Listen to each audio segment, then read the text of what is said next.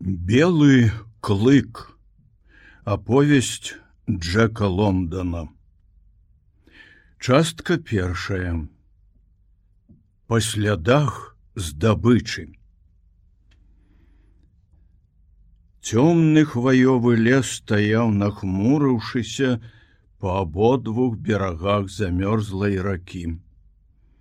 Вецер, які пранёсся нядаўна, сарваў з дрэў белую намарась і ў надыходзячым змроку яны хіліліся адно да аднаго чорныя і злавесныя. Глыбокая цішыня панавала навокал. Гэта была глуш, дзікая паўночная глуш, забледзянелым сэрцам. І ўсё што жывое рухалася ў ёй і кідала ёй выклік. Па замёрзлай рацэ прабіралася запрэшка ездавых сабак.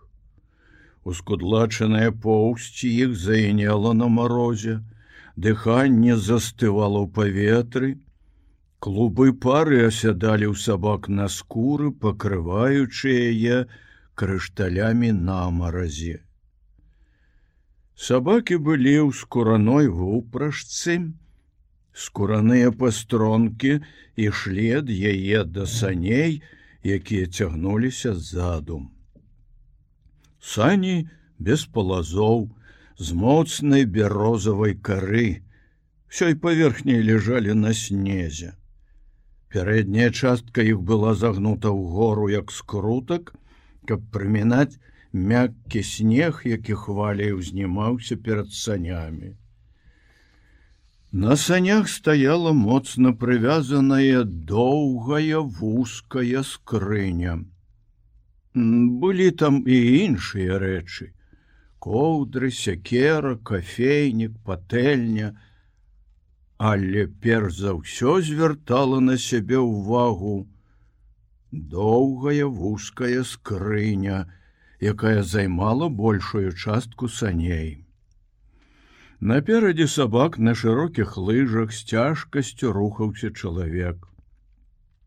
За санямі цягнуўся другі.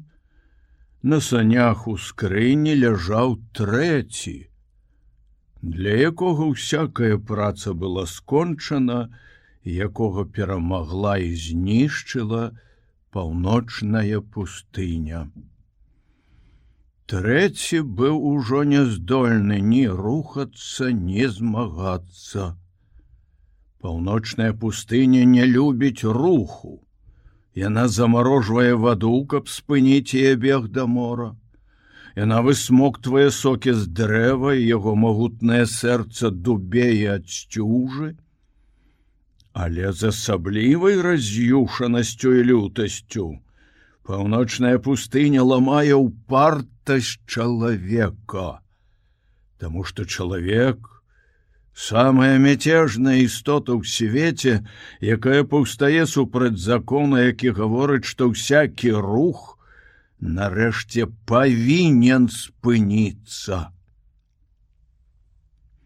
І вось наперадзе і ззаду саней ледзь ішлі два бясстрашныя і непакорлівыя чалавекі, у якіх яшчэ не згасла жыццё.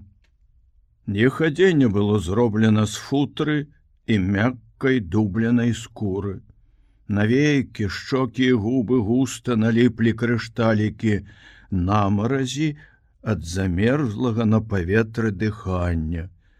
Твары іхнія цяжка было разгледзець, яны ішлі моўчкі, зберагаючы дыханне для хадзьбы. Незвычайная маўклівасць акружала іх з усіх бакоў.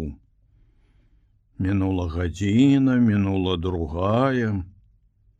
Бледнае святло кароткага цьмянага дня пачало гаснуць, калі ў навакольнай цішыні пачулася слабае, аддаленае выццё. Яно імкліва ўзвілася ў гору, дасягнула высокай ноты, затрымалася на ёй дрыжучы, але не зніжаючы сілы, а вот ім паступова замерла. У ім чуліся нейкая панурая лютасць і азвярэнне голаду. Чалавек, які ішоў наперадзе, павярнуўся, злавіў позірк таго, які цераз сілу ішоў ззаду саней, і абодва яны кіўнулі адзін аднаму. І зноў цішэню парушыла прарэзлівае выццё, Яны прыслухаліся, каб вызначыць кірунак гуку. Ён далятаў аднекуль ззаду з тых снежных прастораў, якія толькі што прайшлі. Неўзабаве пачулася выццё в адказ, Яно таксама даносілася аднекуль ззаду, але на гэты раз лявей. За намі гоняцца біл, сказаў той, што ішоў наперадзе. Дзічыны мала, адказаў яго таварыш. Вось ужо колькі дзён я не бачыў ні аднаго трусінага следу. Яны змоўклі, але ўсё яшчэ напружана прыслухоўваліся да выцця, якое кожную хвіліну чулася ззаду іх. Як толькі сцямнела, яны павярнулі сабак да невялічкай кучкі хвоек на беразе ракі, і зрабілі прывал. Труна, пастаўленая каля агню, з'яўлялася для іх сталом і лаўкай. Збіўшыся ў кучу па другі бок агню, сабакі раўлі і грызлі, але не выказвалі ніякага жадання ўцячы ў цемру. Нешта яны ўжо вельмі ціснуцца да агню, заўважыў біл. Генры, прысеўшы на кукішкі перад агнём, стараючыся прымасціць кафейнік з кавалкам лёду, кіўнуў галавой.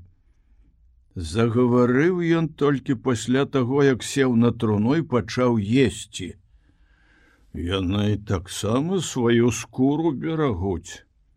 Ведаюць, што лепш з'есці, чым яго самога з'ядуць. Сабак не ашукаеш. Біл паківаў галавой. Хто іх ведае? Таварыш паглядзеў на яго з цікаўнасцю. Першы раз чую, каб ты сумняваўся ў іх розуме. Генры, А ты не заўважыў, як сабакі грызліся, калі я карміў іх. Так, Тузаніны было больш, чым заўсёды. Колькі ў нас сабак, Генры? Шесть. Дык вось. Я ўзяў шесть рыб з мяшка. Даў кожнаму сабаку па рыбеня. Аднаму не хапіла Генры. Няправільна подлічыў. У нас шесть сабак паўтарыў той я дастаў шесть рыб аднавухаму рыбы не хапіла мне прыйшлося дастаць яшчэ одну рыбу у нас толькі шесть сабак сказаў генры генры я не кажу что все былі сабакі але толькі іх было семь Генры перастаў жаваць, паглядзеў праз агонь на сабак і пералічыў іх. Зараз там толькі шесть. Я бачыў, як адзін уцёк па снезе, сказаў біла, было іх сем. Ян разірнуў на яго са спачуваннем. Ой, хутчэй бы нам з табой дабрацца да месца. Это як разумець. А так что ад гэтай паклажы, якую мы вязём, ты сам не свой зрабіўся. Вы табе здаецца Бог ведае што. Я про гэта ўжо думаў сказаў біл. Як толькі ён пабег я адразу зірнуў на снег і ўбачыў сляды. Потым подлічыў сабак іх было шесть сляды засталіся на снезе. Хочаш глянуць? Пойдзем покажу генры нічога не адказаў і моўчкі жаваў з'еўшы боб ён запіў яго кубкам кавы выцер рот тыльным бокам рукі сказаў а значит ты думаешь что гэта працяглае тужлівае выццё дзікае і сумнае якое данеслася аднекуль з цемнаты перарвала яго словы. Ён моўчкі прыслухаўся. Гэта адкуль адтуль. Бел кіўнуў. Як не круціся больш нічога не прыдумаеш. Ты ж сам чуў якую грызню знялі сабакі. Працяглае выццё чулася ўсё часцей часцей, здалёк даносіліся скавытанні ў адказ і цішыня ператварылася ў сапраўднае пекла. Выццё неслася з усіх бакоў, і сабакі ад страху збіліся ў кучы так блізка да агню, што агонь падпальваў ім поўсць. Біл падкінуў агонь дроў і закурыў люльку. Я бачу ты зусім засумаваў, сказаў Генры. Генры. Бел задумліва пасмактаў люльку, а потым зноў загаварыў: Я ўсё думаю, Генры. Ён куды шчаслівейшы за нас з табой, і Біл паказаў на трэцяга чалавека, ткнуўшы пальцам у труну, на якой яны сядзелі. Ах, калі мы з табой памром генры добра калі хоць кучка каменняў будзе ляжаць над нашымі целамі каб іх не зжэрлі сабакі. Нас няма ні сваякоў ні грошай дадаў генры. Наўрад ці нас з табой павязуць хаваць у такую далечыню. Чаго я ну, не магу ніяк зразумець. Генры, навошта такому чалавеку, які быў у сябе на радзіме не то лордам, не то чымсьці накшталт гэтага і не клапаціўся ні аб ядзе, ні аб цёплых коўдрах. Навошта такому чалавеку спатрэбілася шнарыць, на краі свету по гэтай усімі забытай краіне.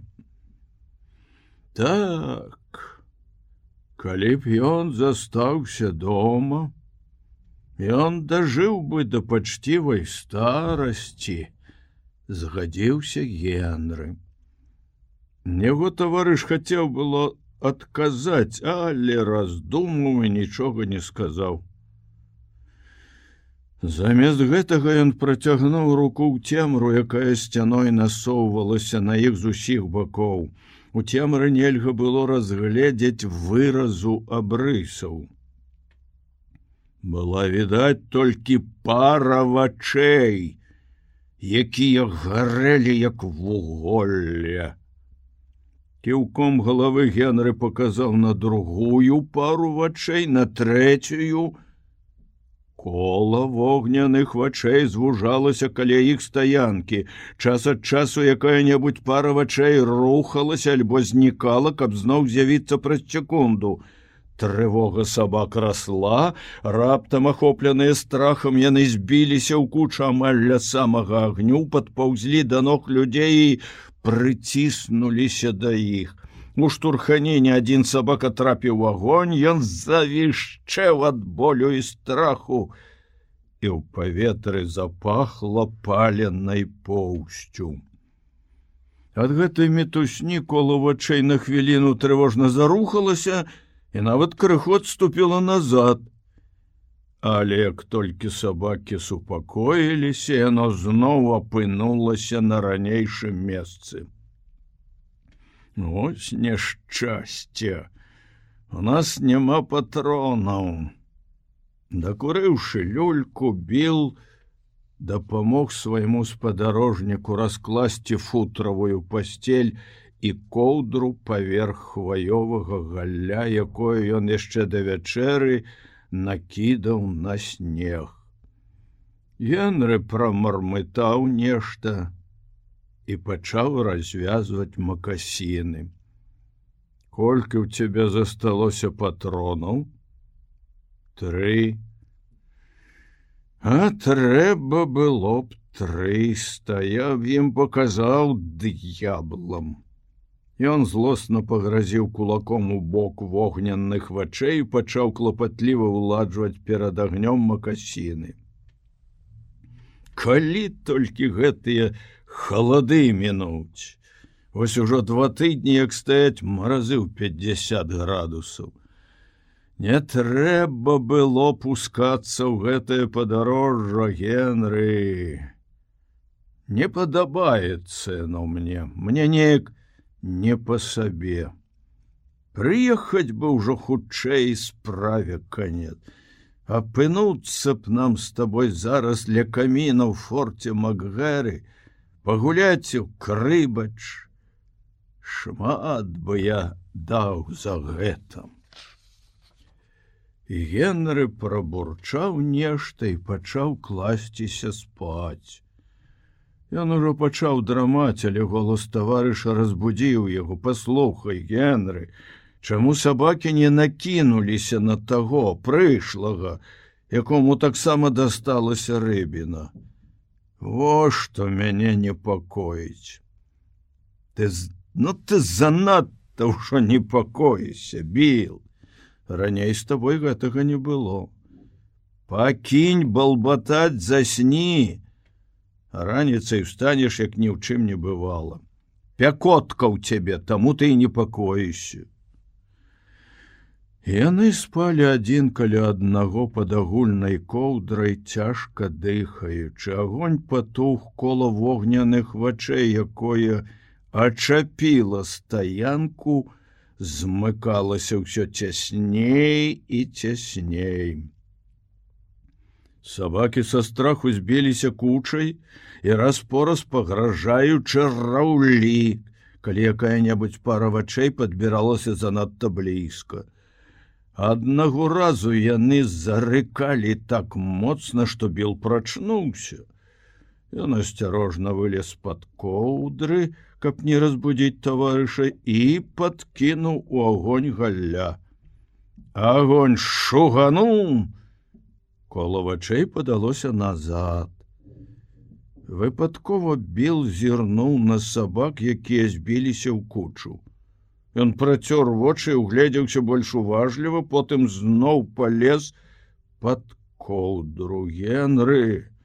Генры! Янры застагнаў, прачынаючыся, запытаў: ну што здарылася? Нічога. Толькі іх зноў сем. Я зараз пералічыў. Генры сустрэў гэтае паведамленне бурчаннем, якое зараз жа перайшло храпенне. Ён зноў заснуў. Раніцой Генры прачнуўся першы і падняў таварыша з пасцелі. Да світання заставалася яшчэ гадзіны тры, хоць было ўжо шэсць гадзін раніцы. Генры ў цемнаце пачаў гатаваць снеданне, абіл скруціў коўдры, пачаў укладваць сані. Паслухай, Генры, запытаў ён раптам колькі ты гаворыш у нас было сабак? Шесть неправільна зноў сем. Не. Пять один знік. Что за дыябал генры падышоў пералічыць сабак. Правильно бил фэці уцёк. Куляй паімчаўся ідзі знайдзі яго цяпер.